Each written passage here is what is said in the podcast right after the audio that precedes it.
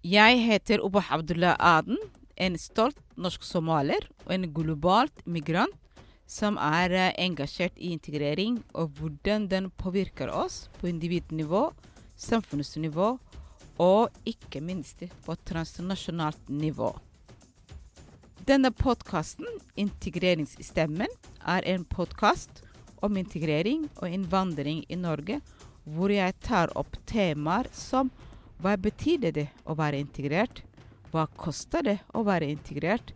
Og hvem i all verden definerer egentlig at du er ferdig integrert? Jeg tar opp relevant problemstillinger knyttet til det å være en minoritet i en majoritet. I denne første delen av podkasten møter jeg kvinner fra ulike nasjonaliteter som alle har til felles at de er innvandrerkvinner som har blitt en del av det norske samfunnet. De representerer ulike kulturer, land og verdensdeler, og har alle sin personlige integreringshistorie. Vi snakker om utfordringer knyttet til likestilling, og betydningen likestilling har for den enkelte. Hei, hei. Her er vi på studiet sammen med Onorat Mohanzi, opprinnelig fra Kongo, med eh, Bashi, etnisitetsgruppen. Kan du si hva betyr det, Bashi, eller kan du si litt om hvem er Bashi?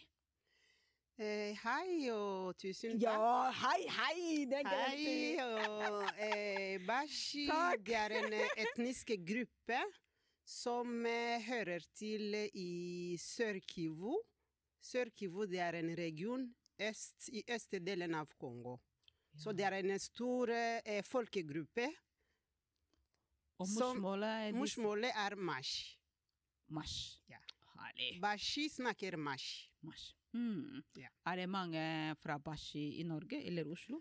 Vet du noe om det? Det er eh, en del. Ikke mange, men det er en del. Herlig. Ja. Men Honorat, du er mor, alenemor, med syv barn. Ja. Mashallah. Det må vi si. Å oppdra syv barn i Norge, det er som å oppdra 70 barn i Norge. Det er veldig krevende, og særlig når du er alenemor. Så hatten av skjæring. Tusen takk. Hva jobber du med? Ja, jeg jobber med forskjellige ting. Eh, akkurat nå så er jeg daglig leder i en eh, nettverk som vi kaller Velferdsalliansen. Eh, og der eh, vi har eh, 19 medlemsorganisasjoner rundt Wow. omkring i Norge. Vi jobber med fattigdomsbekjempelse og sosial ekskludering både i Norge, i Norden og i Europa. Imponerende. Det er det jeg jobber med. Men eh, jeg også driver med en eh, organisasjon på frivillig basis Ja. som heter Bibiamka. Ja. Og Bibiamka er et ord på kiswahili. På Ja. norsk det betyr kvinne våkn opp. Så vi women. jobber yes. yeah. Så vi jobber med mm, litt sånn å eh, empowerment av kvinner, Mm. slik at de kan eh, bli sterke nok til å stå for seg selv og ta ordet. Mm. Ja. Bibi Amka. Bibi Amka. Kvinne, våkn opp. Herlig. Kan du, og kan du noe om swahili?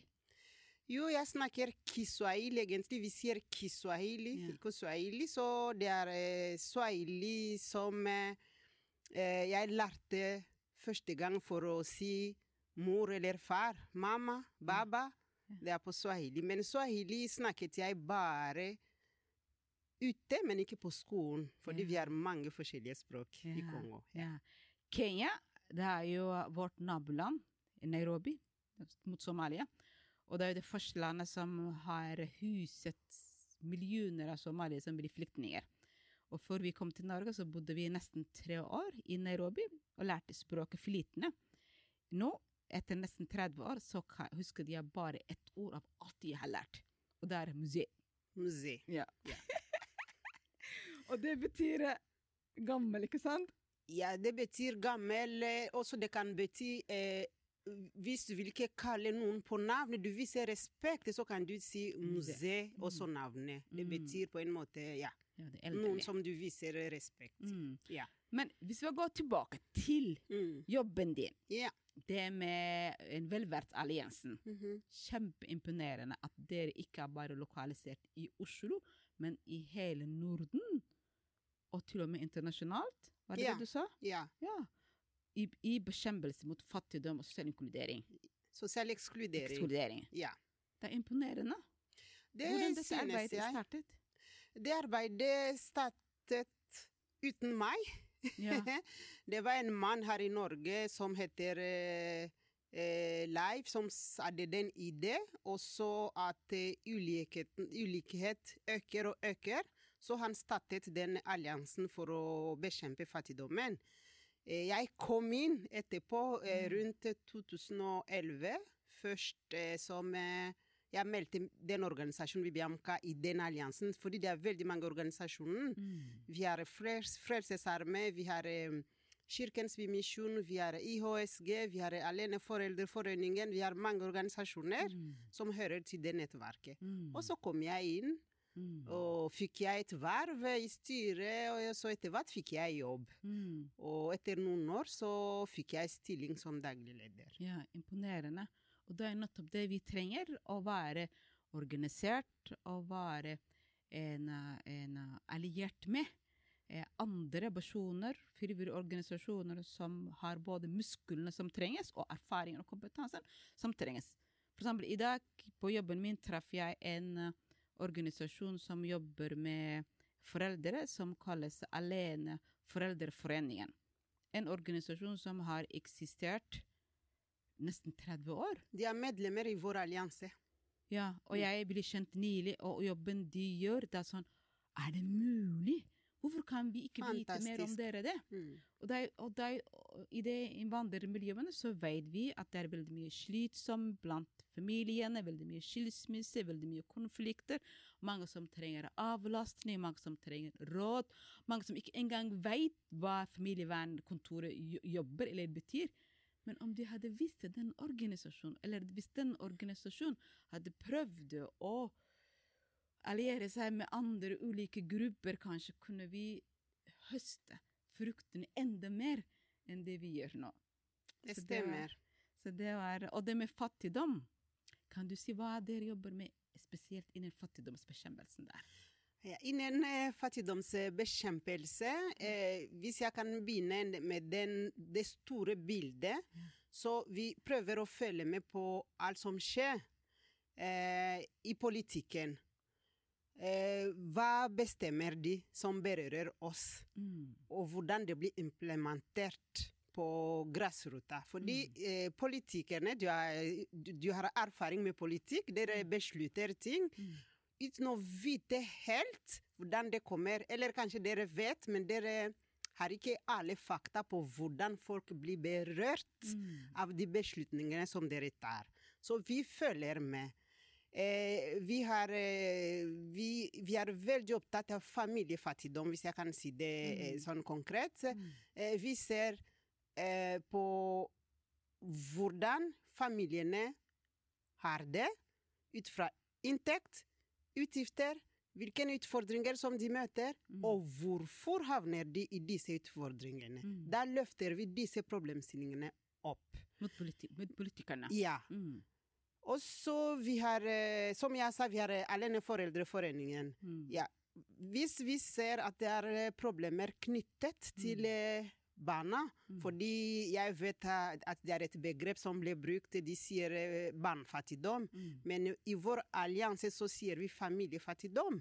Fordi et barn kan ikke være fattig. Et barn kan ikke ta vare på seg selv. Så det er familier Mm. som sliter kanskje økonomisk, Mm. eller som eh, ikke hører til. De Mm. passer ikke helt inne. Mm. Da blir det utfordringer som eh, også påvirker barna. Så det er en sånn vond sirkel. Mm. Vi prøver å se på og Vi har en organisasjon for eksempel, som er veldig veldig opptatt av uføretrygde. Ja. Hvordan de blir berørt av politikken. Hva kan vi løfte som problemstillinger? Vi peker ikke bare på problemene Mm. eller utfordringene. Mm. Vi kommer som et forslag til Mm. løsning. Så bra. For å si vi har sett det her, det kan løses på den måten. Mm. Fordi vi vi er i kontakt med folk som har skoa på, og de vet hvor den trykker. Mm. Og en andre ting som vi er veldig opptatt av, det er brukermedvirkning. Fordi Ja. vi sier ok, den skal ikke bare være på papir, Mm. den skal være reell. Mm. Folk det- skal få mulighet til å liksom å påvirke hverdagens dem. Mm. Og si det det er jeg som kan fortelle deg at jeg har vondt i hodet, men du kan ikke si til meg jeg tror ikke at du har vondt i hodet, kanskje du har vondt i magen, skjønner du? ja. Ja, prøver å det er se slik at vi blir lyttet til, at folk kan bli respektert, Mm. og også kan være en del av å finne løsning. Mm. At dere finnes. Tusen takk. Ja, dere lobbyer jo, det er jo lobbyister for å få et bedre samfunn. Det er det vi vi gjør. trenger. Det er det. Vi Mm. jobber for et eh, bedre inkluderende velferdssamfunn som Mm. lar ingen stå utenfor. Ja. Hvis jeg kan Ja. kort. Ja. Godt, godt sagt. godt sagt. Men du, majoriteten og minoriteten, har vi samme oppfattelse av hva det betyr fattigdom? Jeg opplever at, uh, at vi definerer på ulike måter. En, fra majoritetshold så kan det bety fattigdom at du mangler de sekundære behovene. En, en, mens minoritetssett så kan det bety at når du er fattigdom, da mangler du primærbehov. Det vil si at, det, at du ikke har mat, at du ikke har vann, at du ikke har hus, at du, ikke, at du er i ustabil situasjon. Mens fra majoritets side så betyr det det at fattigdom, at du har alle de viktige ting, men du mangler de gode tingene som også krydrer livet enda bedre. Har vi ulike oppfattelser av hva det betyr fattigdom? Ja, hvis eh, vi definerer eh, minoritet som eh, folk med innvandrerbakgrunn som kom til Norge, så kan jeg gå videre til å si at vi har ikke alltid samme oppfatning av hva fattigdom betyr. Fordi egentlig fattigdom i Norge, det er ikke, det er ikke ekstrem fattigdom. Mm. Eh, og vi som kommer fra andre land, Ja. Som har sett hvordan de fattige har det. Mm. Og da er det vanskelig. Jeg husker da jeg begynte for mange år siden å snakke om fattigdom gjennom min organisasjon Bibiamka. Mm. Og, og jeg inviterte folk til forskjellige konferanser. Og det var noen som sa til meg Men eh, kødder du med oss, Honorat? Ja. Jeg sa nei, hvorfor? Ja. Ja, hvorfor sier du at vi er fattige? Vi er ikke fattige. Ja. Så når kanskje de tenker at eh, ja, hvor jeg kommer fra, jeg hadde ikke nok mat, nå har jeg mat, nå har jeg tak over hodet, nå har jeg det Mm. her gratis, så du Mm. kan ikke si at jeg er fattig. Mm. Men da må vi eh, gå grundig, og det tar lang tid å forklare hva Mm. betyr fattigdom Mm. her i Norge. Mm. Det betyr at du mangler du, du har ikke tilgang til de samme mulighetene som Mm. de andre. Og forklarer jeg Mm. angående barn, fordi de fleste Særlig, har familier, hva Ja. betyr det for dem? Særlig Når barna. de ikke passer inn Mm. av forskjellige ting. Går dem Mm. på aktivitet, eh, Mm. og i bursdag, og Ja. sånne ting. Ja. Så, men det er, ikke, det er ikke lett. Nei, nei. Det er ikke Og, og vi vet jo at familiene med minoritetsbakgrunn i utlandet har jo også forsørgelsesansvaret til de familiene de har forlatt i deres hjemland. Så når vi har ulike oppfattelser av hva fattigdom betyr, så, så, så, kan det hende at de prøver å hjelpe den familien de har hjemmelandet. De inntektene som egentlig kunne ha gått til barnas bursdager, til barnas sosialisering, til barnas idretten. Så jeg, jeg tror det dere gjør er livsviktig eh, innsats. For det å bare forstå hva betyr fattigdom, er veldig viktig. Og hvis du ser alle de forskningsrapportene som finnes når det gjelder kriminaliteten, når det gjelder eh, integrering som ikke går bra, når det gjelder barn som faller ut av arbeidsskolen, begrunnes det ofte foreldrenes sosiale bakgrunn. Når foreldrene har utdannelse, har inntekt, så påvirker det barnets fremtid. Dessverre. Realiteten er jo sånn at selv om vi prøver at barnets fremtid skal være uavhengig av foreldrenes ene en, en bakgrunn, så en viss grad påvirker det. Uheldigvis det gjør det, Mm. og også forskning viser at fattigdommen går i arv. det også. Ja, Det betyr eh, hvis eh, jeg er fattig, det påvirker allerede mine barn. Da har de ikke de samme forutsetning til å kanskje å klare skolen som de andre, og så faller de ut av skolen, og så mm, De har ikke tilgang til de bra jobbene, fordi her i Norge så du må ha ganske høy utdanning eller fagbrev. Du kan, det er ikke som før at du har ikke fagbrev, du kan eh, bare få hvilken som helst jobb. Mm. Og ja, så jeg tror det er viktig å bevisstgjøre folk, slik at de kan forstå hva det betyr det, og ikke bare hva det betyr, og hva kan de gjøre? Mm. Hva kan de gjøre? Hva kan de gjøre? Ja. Fordi å forstå at jeg hadde en utfordring, det er en ting. Mm. Og så å sitte uten å gjøre noe, det er en andre ting. Ikke Så, sant? ja, hvordan, empowering. Yes, empowering. ja, hvordan kan du, hva kan du gjøre selv for å Ja. komme ut av det? Mm. Eller ja, selvfølgelig. Eh, hvordan kan du løfte stemmen din? Mm. Fordi du kan velge å ikke si noe, men du må bare si noe. Du må skrike høyt, Mm. slik at de som bestemmer, de som har makt, kan forstå at her Mm. det er noe som ikke går. Men her er det noe som ikke stemmer. Kjære Honorat, Ja. du er jernkvinne. Du er tøff. Du er tøff. Jeg vet alt du har gått gjennom, og det du har fått til. Igjen hatten av, kjære. Men Bibi Amka, Ja. det, det handler om Women Wake Up. Yes. Og vi vet jo at lykkes med kvinnen, med integreringen, lykkes familiene. Hvordan driver dere med women empowering der? Ja, konkret. Jeg, jeg, jeg, jeg, pleier å si at eh, egentlig vi trenger ikke å få makt fra noen, fordi vi sitter med makta. Halleluja! Ja. Det må vi slette. Vi skal ikke ha halleluja her. Vi sitter med makta, men vi må bare hente det opp. Vi må bygge selvtillit. Vi er veldig opptatt av å bygge selvtillit. Mm. Hvordan gjøres det? Eh, gjennom eh, å ta opp forskjellige problemstillinger. Jeg husker at eh, eh, rundt 2009-2010 så kjørte jeg kurs mm. om eh, sånn selv selvtillit. Ok. Ja. Så jeg hadde en sånn kurspakke som jeg kjørte Ja. eh, med kvinner om selvtillit. Ja. Hva betyr det? Hva kan du gjøre? Og så videre. Hvorfor er det viktig å stå for deg selv? Mm. hvilken problemstillinger som finnes, hvilke utfordringer som vi møter. Og så vi Mm. snakker om det. Mm. Brainstorming. Yeah. Hvordan- your voice, liksom. Ja, hvordan kan vi komme ut av det? Mm. Fordi ja, nå har vi snakket om det. Ja, hva kan du gjøre selv? Ja. Og hva kan vi kreve kanskje fra de neste? Mm. Ja.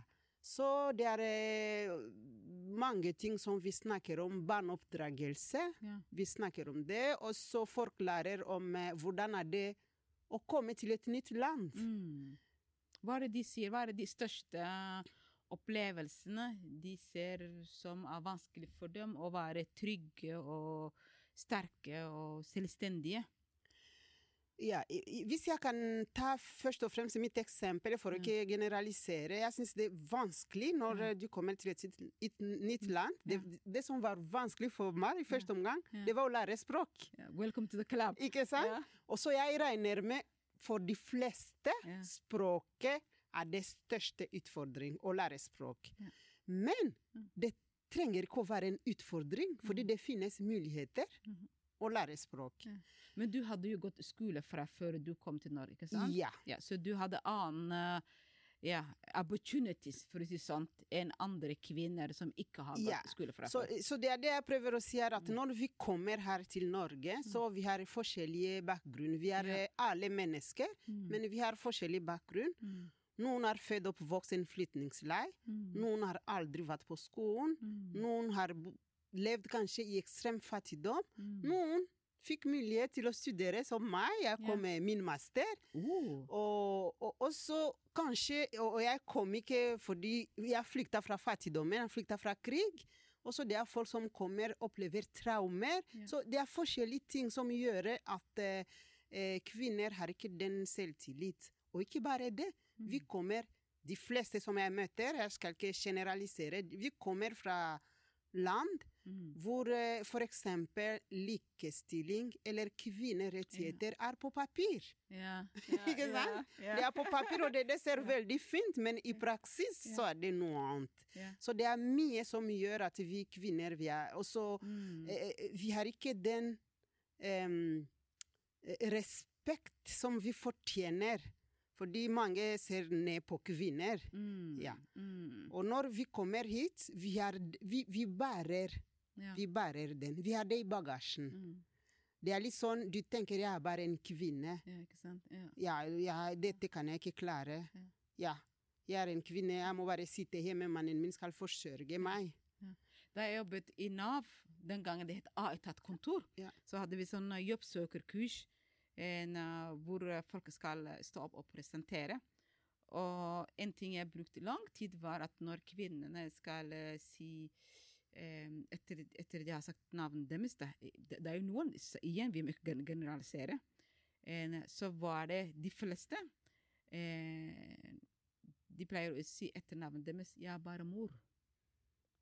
Jeg er bare mor. Hvem faen kan si jeg er bare mor? Morrollen er jo 24 timer jobb.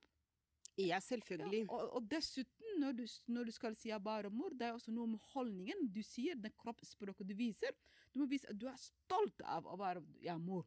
Stå opp med ryggraden og vise Faen, Ja, mor! det, det er sånne ting som du sier når du skal eh, empower kvinner, og si OK, når du er mor, du må være stolt, du må si det med stolthet. Mm. Men kanskje hvor vedkommende kommer fra, det er sånn ja, hun er bare mor, hun er bare hjemme. Det er nesten som det er ingenting. Mm. Og det er du som gir livet, ikke sant? Mm. Til både kvinner og menn. Mm. Så egentlig du skulle bli verdsatt høyest. Ja, ja. Så vi gjør den uh, Ja. viktigste jobben jobb i verden.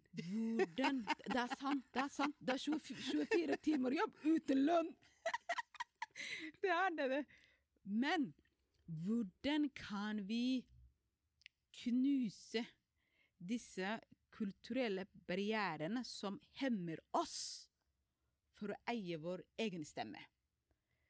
Det å tro at du bare er kvinne, undertrykket, underdanning, det er jo noe som ligger i kulturen. Men du, du trenger å bevise Du må være bevisst på. Og det er det vi trenger. Hvordan kan vi få kvinner bevisst på den usynlige undertrykkelsen som ligger Som lever i kulturen, som ikke klarte å avlive den. Hvordan kan vi få det ut? Ja, jeg tror, jeg tror ikke at vi kan trille det litt sånn eh, med en gang. Men, ja, men jeg tror at det viktigste er at vi har eh, møteplasser. Mm. At vi snakker om disse temaene. Som jeg sa til deg, vi må snakke om forskjellige temaer. Vi må utveksle erfaring. Og vi må ha noen forbilder. Mm. Ja, fordi det er kanskje en kvinne som kan si ja, uansett så Mm. Ja. Mm. Men hvis hun ser at det er en, en, et, en forbilde der Mm. som har klart seg, at det er mulig, Yeah. og så hvilken veien har du gått, Mm. og hvilken, hvilke grep har du tatt for å komme så langt hvor du er? At, at vi, vi føler oss fri til å utveksle sånne erfaringer, Mm. Ja. og oppmuntre hverandre, Helt og si at eh, dette klarer du. Yeah. Ja. Ja. Og et sted man må begynne, er jo likestillingen. Eller? Ja. Så jeg vet ikke hvis det er et sted hvor man skal begynne, men jeg mener at det er eh, vesentlig fordi eh, likestilling er alt, Mm. etter min mening. Det er det. Ja. Ja. Det begynner hjemme, oppdragelsen. Hvis vi begynner oppdragelsen. Ja. Så likestilling for meg er eh, ja, alt. Fordi selveste begrepet, som jeg forstår det, den er inkluderende. Det betyr at det gjelder alle. Mm. Det er det, det. Da er det veldig viktig. Men dessverre, det er noe misforstår det. det. Med en gang du tar opp likestilling, så tror du oh, hun er feminister, hun dreper mennene, hun er imot mennene. Så, det, så egentlig, likestilling er jo for begge kjønnene. Jo, eh, jeg kan si at eh, jeg selv, der hvor jeg er født og oppvokst, så jeg var veldig engasjert i kvinnespørsmål, i likestilling. likestilling. Men når vi snakket om likestilling, det var alltid det som kom opp, det var litt sånn eh, kjønnslikestilling. Mm. Det betyr at du skulle ta en mann og en kvinne. Mm. Det var alltid det. Mm. Selvfølgelig det ligger noe av det i likestilling, men det er ikke alt. Det er mer enn bare en mann og en kvinne. Mhm. Ja. Mm. Like muligheter. like muligheter, behandling. like behandling. Og så det er litt sånne um, sånne grunnleggende rettigheter. Ja. Og når vi snakker om rettigheter, det er rettigheter til mennesker. Ja. Og vi er alle mennesker, uansett hvordan du ser ut, uansett hva du velger i livet ditt, uansett hvilken religion du har, så Mm. du er et menneske. Men du begynte jo og sa at du jobbet med likestilling der du var i hjemlandet ditt. Ja. Og du gjør det her fortsatt i Norge. Ja. Hvis du trekker Du er jo erfaren i begge, begge kontinentene. Men hvis du kunne trenge, trenge et par eksemplarer, Mhm. hva er det likhetstrekkene, hva er ulikhetstrekkene fra de to landene? Hva kunne du ha nevnt? Ja, jeg kan eh, begynne med det som er eh, likt, men det er ikke veldig mye. Mm. Eh, det som er likt, det er denne den eh, delen av um, kjønn-likestilling. Mm. Fordi vi tenker likestilling handler om kjønn, Mm. og jeg ser noe av det her.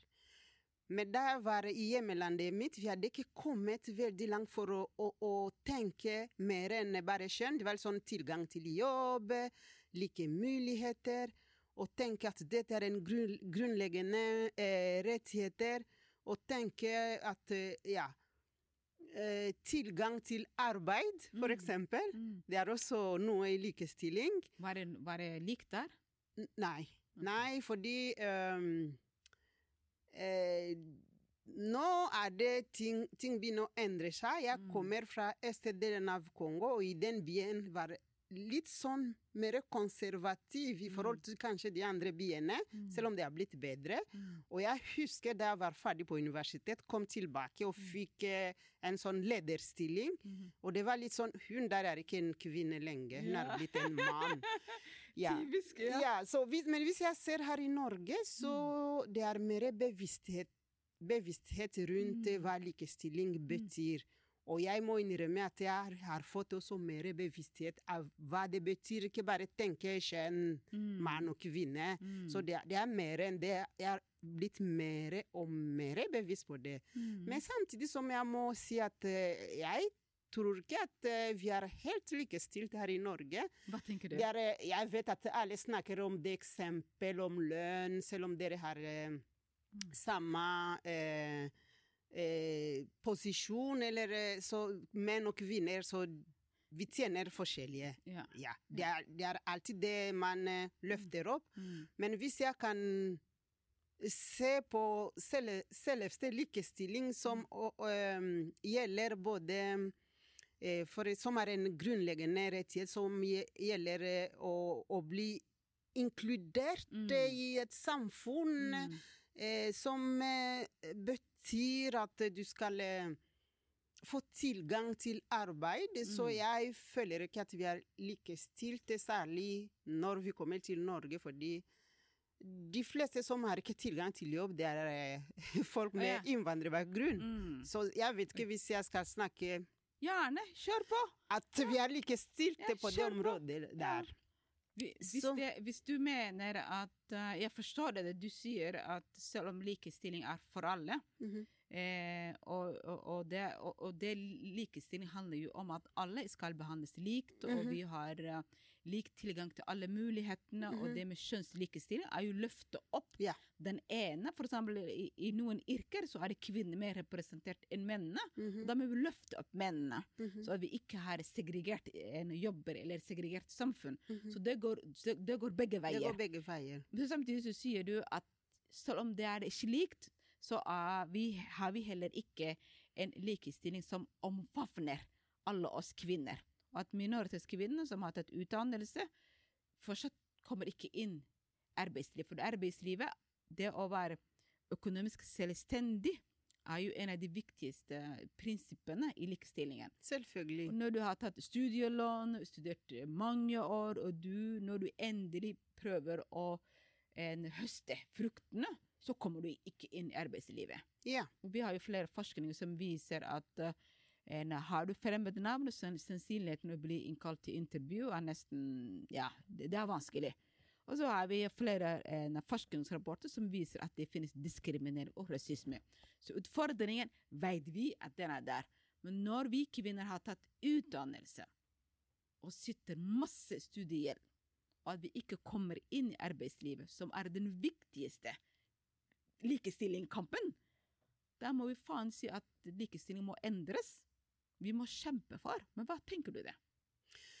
Jeg tror det er viktig. Jeg kan ikke si at vi må endre likestilling, fordi likestilling i seg selv er veldig fint. Men, Men vi må, vi- må se hvordan den er implementert. Hva er praksisen rundt eh, likestilling? Fordi vi må se på disse utfordringene som gjør at f.eks. de kvinnene som du snakker om, som har tatt høy utdanning, de har studier, hvorfor de ikke kommer inn? Peke på disse barrierene, reflektere over, og prøve å, å finne løsning. For, foreslå løsningen, fordi det er ingen som kan gjøre den jobben for oss hvis vi ikke tar den kampen. Så det, det er det jeg tenker på. Fordi ok, det, det er en utfordring som vi ser. Forskning viser det de viser. Men eh, disse eh, forskningsrapportene kan bare havne i skuffen.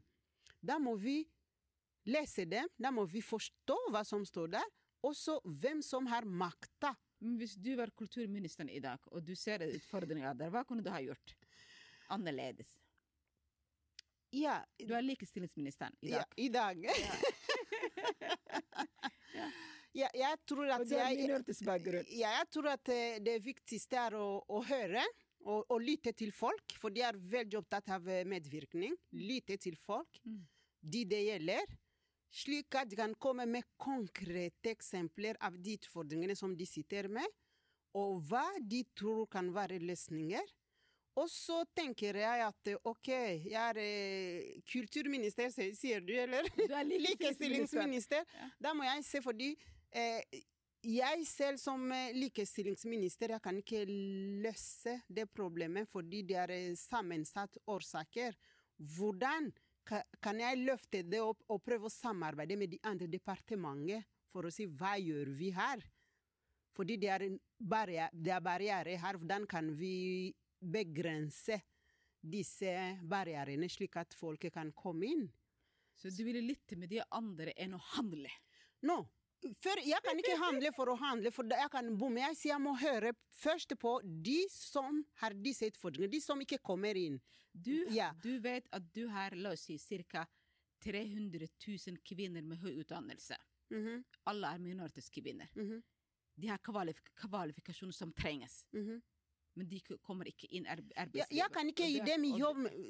La meg si at jeg kan ikke stå på morgen og si i min departement jeg henter alle 300 kvinner, de skal jobbe sammen med meg. gjøre det. Ja, derfor jeg sier ok, hvor kan vi litt sånn eh, banke, hvilken dør, hvordan kan vi bidra til at eh, eh, staten eller de private åpner opp for de andre.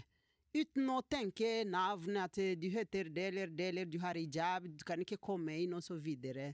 Ja, så jeg tror at jeg kan gå den veien og prøve å lytte og fortsette å påvirke og løfte disse problemene som jeg, jeg, jeg ser. Fordi ofte Mm. så er det utfordringer som vi ikke snakker om. Vi ser at dette er en utfordring, Mm. og så vi sier ingenting. Mm. Ja. Det er bra. Nå har vi eh, fremtidige likestillingsminister ja, som skal rådføre seg med andre departementer for å finne løsning. Jo, jeg Ja. tror, jeg tror det er viktig. Jeg tror det Mm. er veldig viktig. La meg snakke om eksempel eh, tilgang til arbeid. Ja. Det er ikke likestillingsminister som har eksempel Nav under eh, sitt ansvar. Da må du se ja, her. Hvordan gjør dere her? Hvordan kan dere åpne opp? Mm. Ja. Så jeg tror det er veldig viktig at det er samarbeid på Mm. tvers Mm. Av mange forskjellige departementer for å påvirke også det som skjer der Mm. nede. Ja. Men du jobbet jo med øh, voldssaker, var ikke det?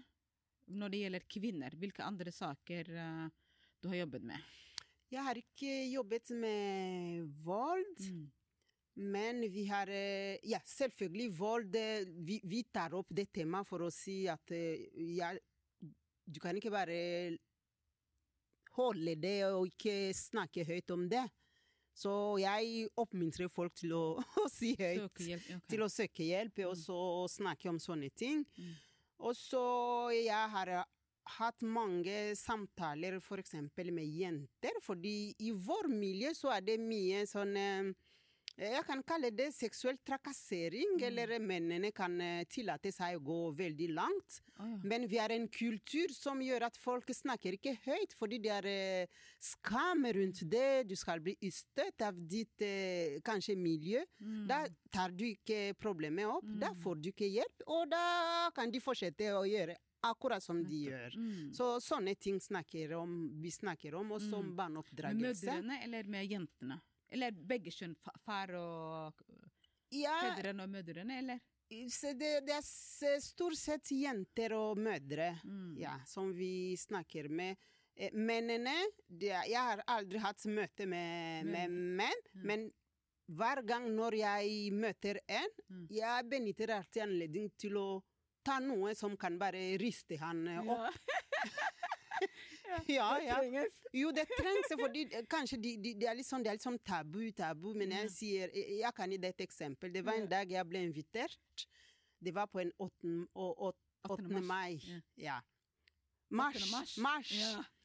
Og så vi hadde en konferanse, og det var mange spørsmål, bla, bla. Og så, for å gjøre historien kort, Mm. mot slutten så en mann stilte et spørsmål. Vi var tre damer som satt i panelet. Og han sa, jeg forstår ikke dere kvinner. Ja. Eh, nå som vi har kommet til Norge, dere klarer ikke å oppdra barna deres ordentlig. Deres barn møter oss på veien, de hilser ikke engang. Oh, yeah. Hva slags oppdragelse er det? Ja. Og så, ja, de andre sa hva de sa, så jeg valgte å ikke si noe, fordi jeg følte at jeg begynte å bli irritert, det begynte å koke, Mm. men jeg måtte roe meg. Mm. Ja, men Honorat, har du ikke noe å si. Jeg sa jo, har noe å si. Jeg sa jeg er blant, bare for å sette det på spissen, Mm. så sa jeg følgende. Jeg er blant Mm. disse kvinnene som sier til deres barn å ikke hilse på dere når de møter dere på veien. Mm.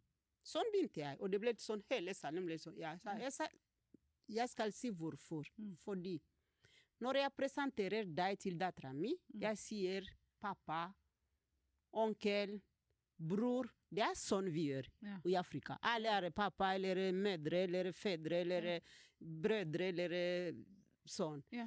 Og så, når jeg snur meg du er den første som tar kanskje på rumpa til dattera mi. Beklager, jeg sier det, og sånn jeg sa det. Mm. Jeg sa "V- når du ikke Ja. viser respekt, Ja. hvorfor skal jeg si til for eksempel dattera mi Ja. å hilse på deg når hun møter deg på veien? Jeg sier til henne løp!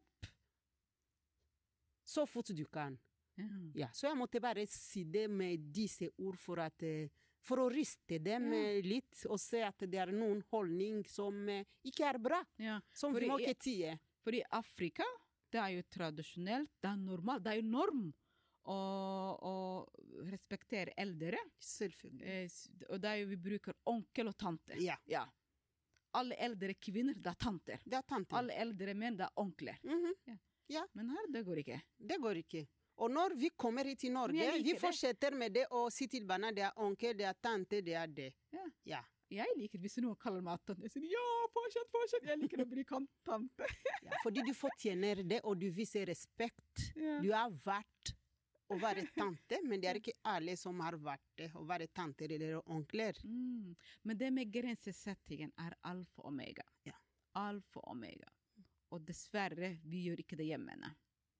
Og det kan være at mange jenter blir ofre for seksuell trakassering uten faktisk, faktisk at de er bevisst på det. Mm. Ja. Og det er sant.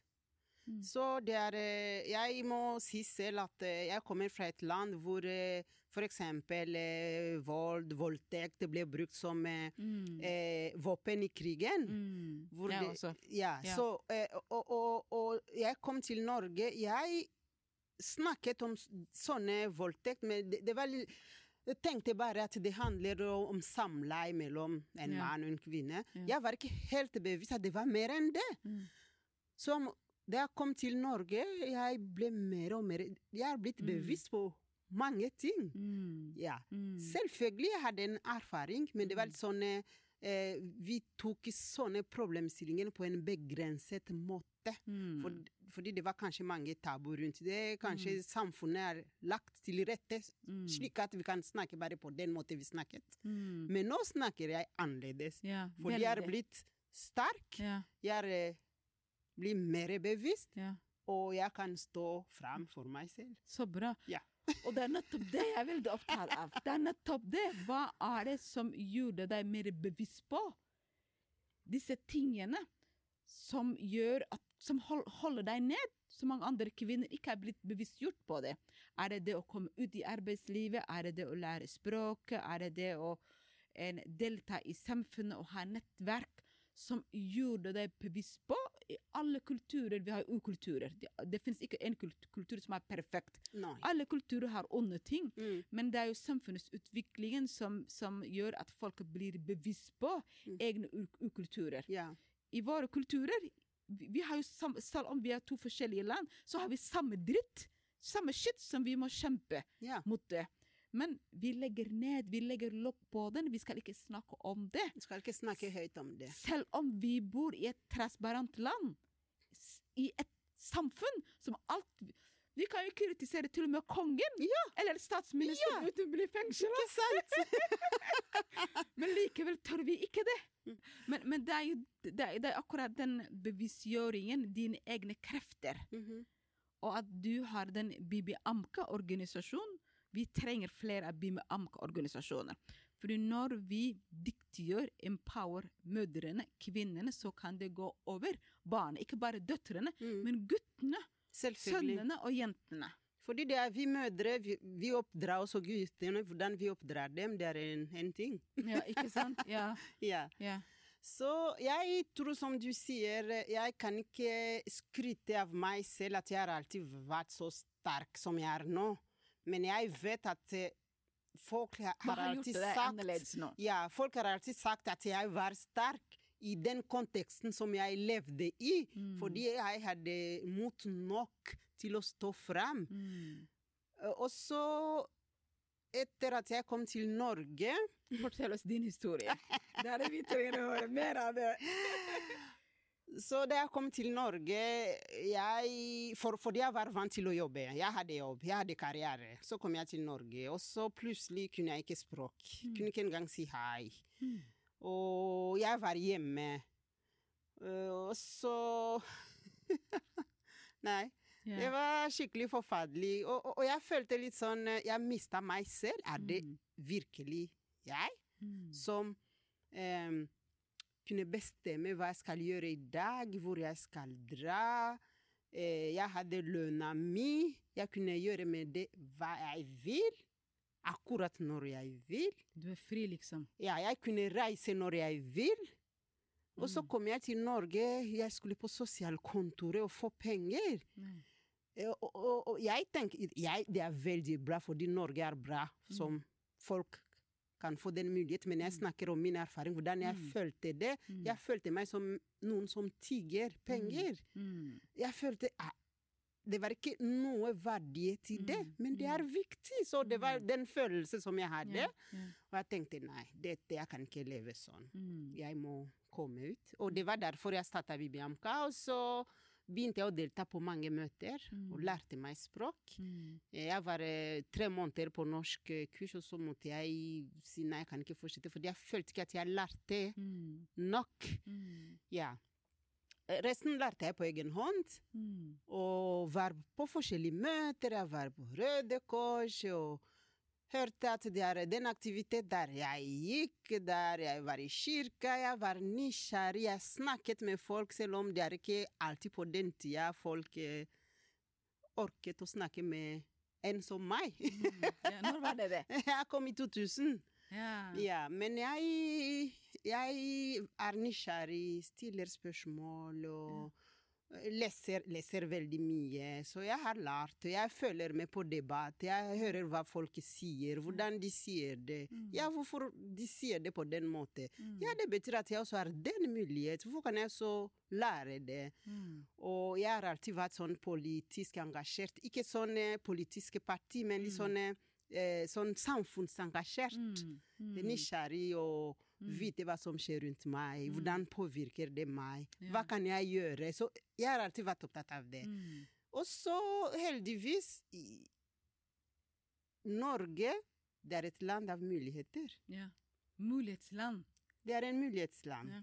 Så jeg tok de mulighetene som jeg kunne ta. Mm. Men eh, jeg må innrømme at jeg kan ikke huske at jeg har fått noe gratis. Nei. Jeg har kjempet Mm. for å sitte her med deg. Jeg har kjempet for å få det jeg har i dag. Mm. Mm. Jeg har kjempet for Ja. å komme inn i arbeidet, så jeg kan ikke huske at jeg har fått Gratis. noe gratis. Nei. Men sånn er det livet. Sånn Det livet. du vil, du må satse på det. Ja, så ja, Men har jeg jobbet har- hardt selv. Med mindre du har arvet millioner, eller lottomillioner. Ikke sant? det er noe annet. Ja. Så det er eh, det, og, eh, og, og etter hvert Jeg har gått gjennom mange utfordringer, Mm. og jeg føler at jeg har kommet sterkere ut av det. Ja. Så etter hver utfordring, så hva har jeg lært? Ja. Så jeg er opptatt av å, av å vite hele tida OK, hva har jeg lært? Ja. Når jeg reiser herifra etter å ha snakket med deg, jeg må tenke Tenk, hva har jeg lært? Mm. Ja. Ja. Hva kan jeg bygge på videre? Og så jeg føler det har hjulpet meg å utvikle meg og være det mennesket som jeg har blitt i dag, og klare å stå fram og sette grenser. Det gjorde jeg ikke før heller. Ja. Å sette grenser, fordi når du begynner å sette grenser, så du får en, eh, eh, et navn, for eksempel, for å kalle deg noe annet enn det du er. Mm. Det er litt sånn du har blitt annerledes, du har blitt norsk eh, for Ja. norsk, eller du har Mm. blitt fordi du setter grenser. Mm. Ja. Ja. Og eh, Jeg, jeg, prøver å velge det som jeg føler er bra for meg. Ja. Mm. Mm. Så det har styrket meg veldig. Mm. Jeg sliter grensesetting. Jeg er sånn ja-menneske. Jeg sier at jeg må lære nei-kurs. Hvor jeg skal si nei, dette kan jeg ikke det. Jeg tror bare jeg kan gjøre alt, og så går det bam, bam, bam, bam, bam. Men samtidig så er jeg, jeg er en type som liker å ha flere baller i lufta. Jeg blir veldig sånn rastløs passiv hvis, hvis jeg ikke har flere ting samtidig. Men en vane jeg har opparbeidet meg mange, mange, mange, mange år tilbake, er at uh, ved leggetiden så tenker jeg gjennom hva jeg har gjort. Alt hva jeg har gått gjennom hele dagen. Og så tenker jeg hva, Finn ut to-tre ting som du er fornøyd med, som du har gjort bra ting. Mm. Og så hva jeg har gjort gale ting, gale ting. og så prøver jeg å huske det, så jeg kan unngå dagen etter. Mm. Så, så, jeg, så, jeg, så jeg eh, nusker etter dårlige ting jeg har gjort, så jeg ikke gjør det samme ting dagen etter. Mm. Og den vanen tror jeg jeg har hatt uh, ja, siden jeg ble skilt, nesten 20, 10 år siden tilbake. Ja. Og det har hjulpet. Du, blir sånn, du får sånn uh, speil Mhm. av dine handlinger yeah. når du går gjennom. Mm. Ja.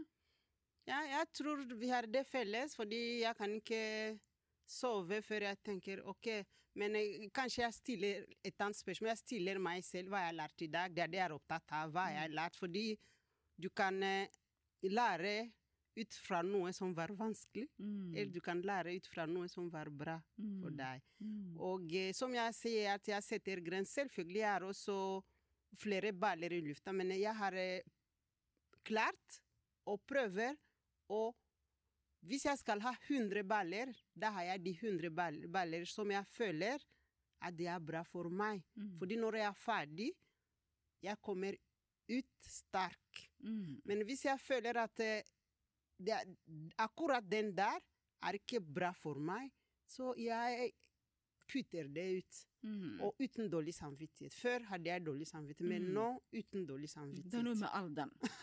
Du, du blir mer klokere klokere jo eldre. Jeg sier til vennene mine 40 år i Afrika, Mm. du er kabutt, du er dinosaur. Ja. Ja. Og det er sånn vane når eh, kvinner kommer i eh, overgangsalderen. Det, det, er, det er jo også noe med deres holdninger. Du, de, de begynner å forberede seg til døden. Og hun har jo ikke engang blitt 40 år. Ikke sant? Mens mennene begynner å ta beltet under og prøver å finne kone nummer tre nummer Mens her sier vi 40 år. På ti år. Det er 20 år. Mm. Du, du, det er er der du begynte livet. Ja. Så jeg føler det. Når jeg snakker med f.eks. mine kollegaer eller min gamle venner fra Afrika, de sier å ah, nei, nå er vi blitt gamle. Jeg sier Ja. nei, jeg føler at eh, livet begynner. Nå Ja. må jeg leve. Nå er jeg ferdig med ungene, og nå må jeg begynne. Jeg, altså, jeg er ikke blitt gammel. Jeg føler meg ikke gammel fordi det sitter i hodet. Nettopp. Ja. Nettopp. Der er det det sitter, sitter hodet. ja. Ja. Ja. Men hvis vi skal konkludere eller uh, oppsummere, hva er det vi har lært i dag? Mhm. Hvis du kunne plukke ut hva er det vi kan gjøre bedre, det å være minoritetskvinne i dette landet. Mhm. Du, du jobber jo hele integreringsfeltet, alt fra fattigdom, arbeid, likestilling, oppdragelse. Du er jo midt i integreringsfeltet. Hvis du kunne tenke deg rundt hva er det, vi kan, hva er det som trenges forbedring, og hva som er bra, vi må styrke. Hva kunne du ha løftet frem? Ja, det er et vanskelig spørsmål, men jeg tenker at det, det, det første eh, og viktigste verktøyet som vi Mm. kan bruke, det er informasjon. Mm. Tilgang til informasjon Informasjon om alt. om alt. Eller om det viktigste. Du ser selv når vi hadde pandemien, hva som skjedde, fordi Mm. folk hadde ikke den hadde ikke tilgang til informasjon. Mm. Du kan bli begrenset fordi du ikke kan språket, eller du vet ikke hvor du skal finne den informasjonen osv. Men jeg føler at vi, det er mange kvinner som kommer hit, men jeg tror ikke at de vet helt Rettighetene er der, men jeg vet ikke hvis vi vet om våre rettigheter. Mm. Vi var vant til å ha bare plikter, Mm. og så nå har vi rettigheter. Så hvordan kan vi finne ut både rettighetene og plikter? Mm. Og holde fast i det for å gå videre. Mm. En andre ting som jeg tenker på, ok, informasjon er viktig, fordi når du vet, Mm. så kan du handle. Mm. Du kan ikke handle fra uvitenhet. Du må vite først hva som er viktig. Eh, hvordan fungerer ting i det landet som vi har kommet til? Mm. og hva kan vi gjøre? Og så eh, det er eh, viktig å oppsøke andre. Mm. Å ha nettverk er veldig viktig. Så jeg vet ikke hvis eh, jeg har eh, svart på det du tenkte på, men jeg, jeg tror jeg tenker først og fremst informasjon. Mm. Ja. Informasjon jeg, jeg er helt enig med deg. Informasjon er viktig. Det er jo grunnleggende rettigheter å kunne eh, søke hjelp eller be hjelp Ja. eh, hvis du, hvis du vet eh, både ansvaret, det Mm. du har krav på, Mm. og det du har ansvar på. Ja.